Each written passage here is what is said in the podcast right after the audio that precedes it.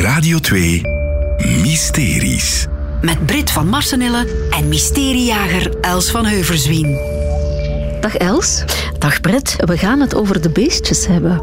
Wel ja, beestjes. Dat is een beetje relatief. Het gaat om redelijk grote Ah. eh, beesten, kolossen van dieren, zoals een olifant en een beer. Want het gaat over de dierentuin van Gent. Eh, Ja. Want niet alleen Antwerpen ja, heeft een zo. Gent heeft er nu geen meer, maar had er wel één. Eh, van ja, half 19e eeuw tot begin 20e eeuw. Eh, daar zat van alles. Hè. Olifanten, kleine dieren, vogels, pelsdieren, een beer, eh, leeuwen en dergelijke. Ja, een echte dierentuin. Ja, een echte dierentuin. Maar het probleem was daarmee dat het vooral de, ja, de elite was, de rijkere mensen die daar een bezoek brachten. En eens dat ze makkelijker naar de kust konden met de trein en zo, bleven ze weg uit de dierentuin. En de dierentuin ging failliet. Oké. Ja, de dieren moesten weg. Die werden openbaar verkocht. Hè? Ja, en heel veel van die dieren eh, hebben zo de dood gevonden eigenlijk. Een pelsdier bijvoorbeeld, dat is eh, makkelijk om te wurgen of op te hangen en dan de pels te kunnen verkopen. Eh, er waren de vogels, die gingen dan naar de burgerij om de tuinen mooier te maken en zo.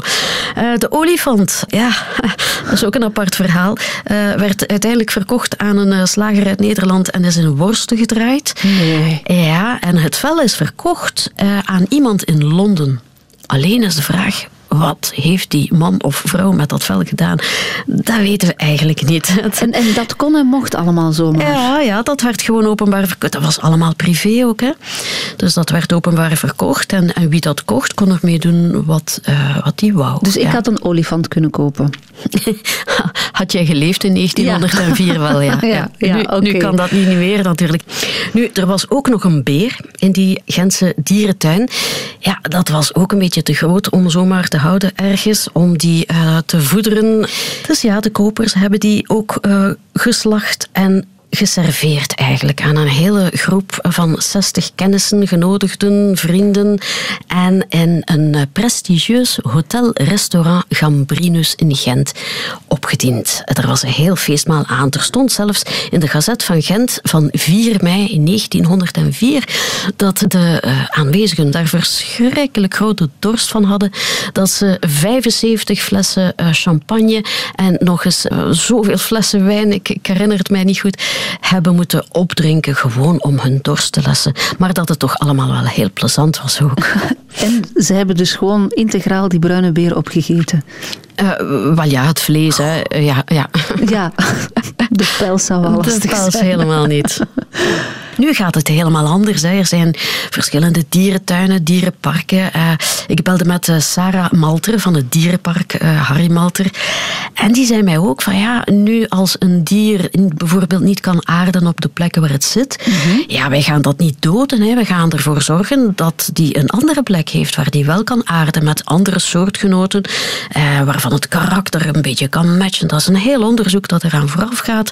En, en dierentuinen wisselen dieren uit. Bijvoorbeeld komt daar ook af en toe, heel af en toe maar, een dier binnen van een, een dierenopvang. En ik was op zoek dan naar een opvang eh, waar ook beren terechtkomen. En er is er één in Vlaanderen, in, in, in West-Vlaanderen, in eh, Oost-Vleteren is dat. Zonnegloed heet dat. Ik weet niet of je dat kent. Nee, ken ik niet. Ik kende dat ook niet, maar ik ben daar naartoe gegaan en dat is een heel groot park waar zowat 400 dieren zitten die in beslag genomen eh, geweest zijn, die, die verwaarloosd waren, misbruikt waren. En dus onder andere ook eh, toen drie dieren en er ging nog een vierde toekomen. En eh, ja, dat zijn, dat zijn beesten. ehm, de beren dus, dat zijn beesten die bijvoorbeeld in Oost-Europa eh, voor een restaurant gezet werden. Ja, ja om, om klanten te lokken. Dat gaf een restaurant een zeker prestige, een, een, een, be- elan. een beer. Een beer. Een, een, En die beer werd dan op een, op een plaat gezet eh, waar ze elektriciteit op staken. Dus hoe meer dat die beer eh, stroom voelde aan zijn poten, hoe meer dat die danste.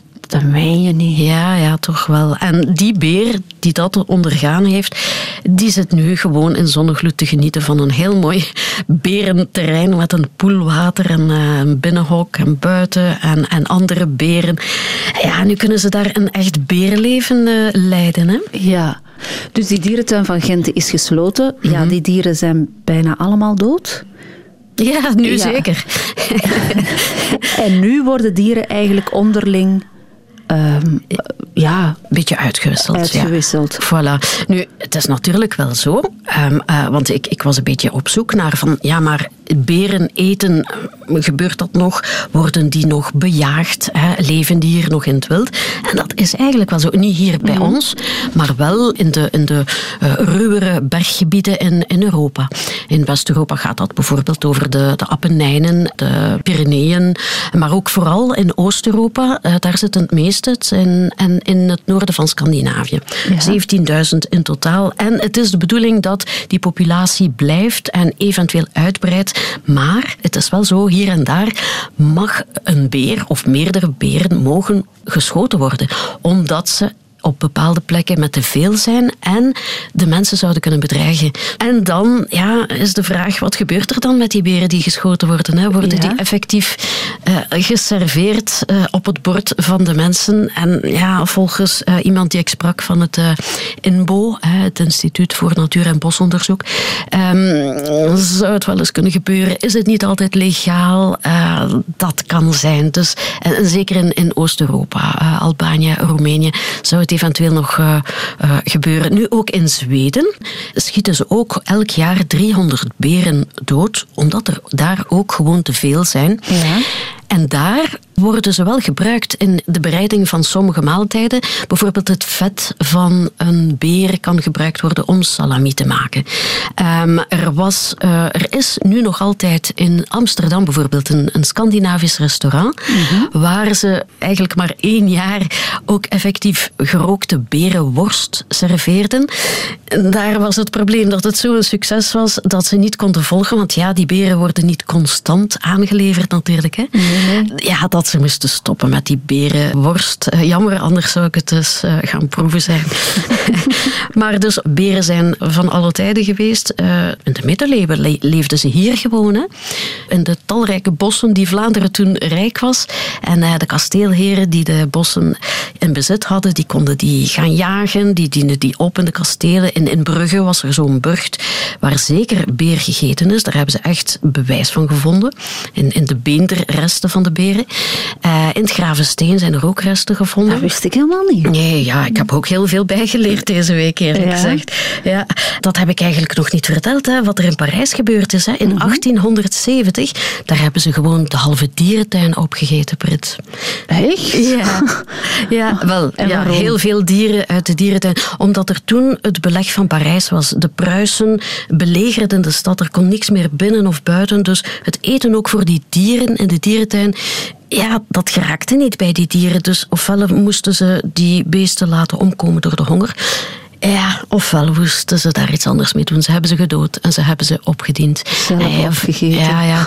Eh, wel in een restaurant ook geserveerd. Er is een menu teruggevonden met daarop olifant en, en eh kangoeroe en, en een wolf zelfs. En ja, allerhande soorten dieren, tuindieren.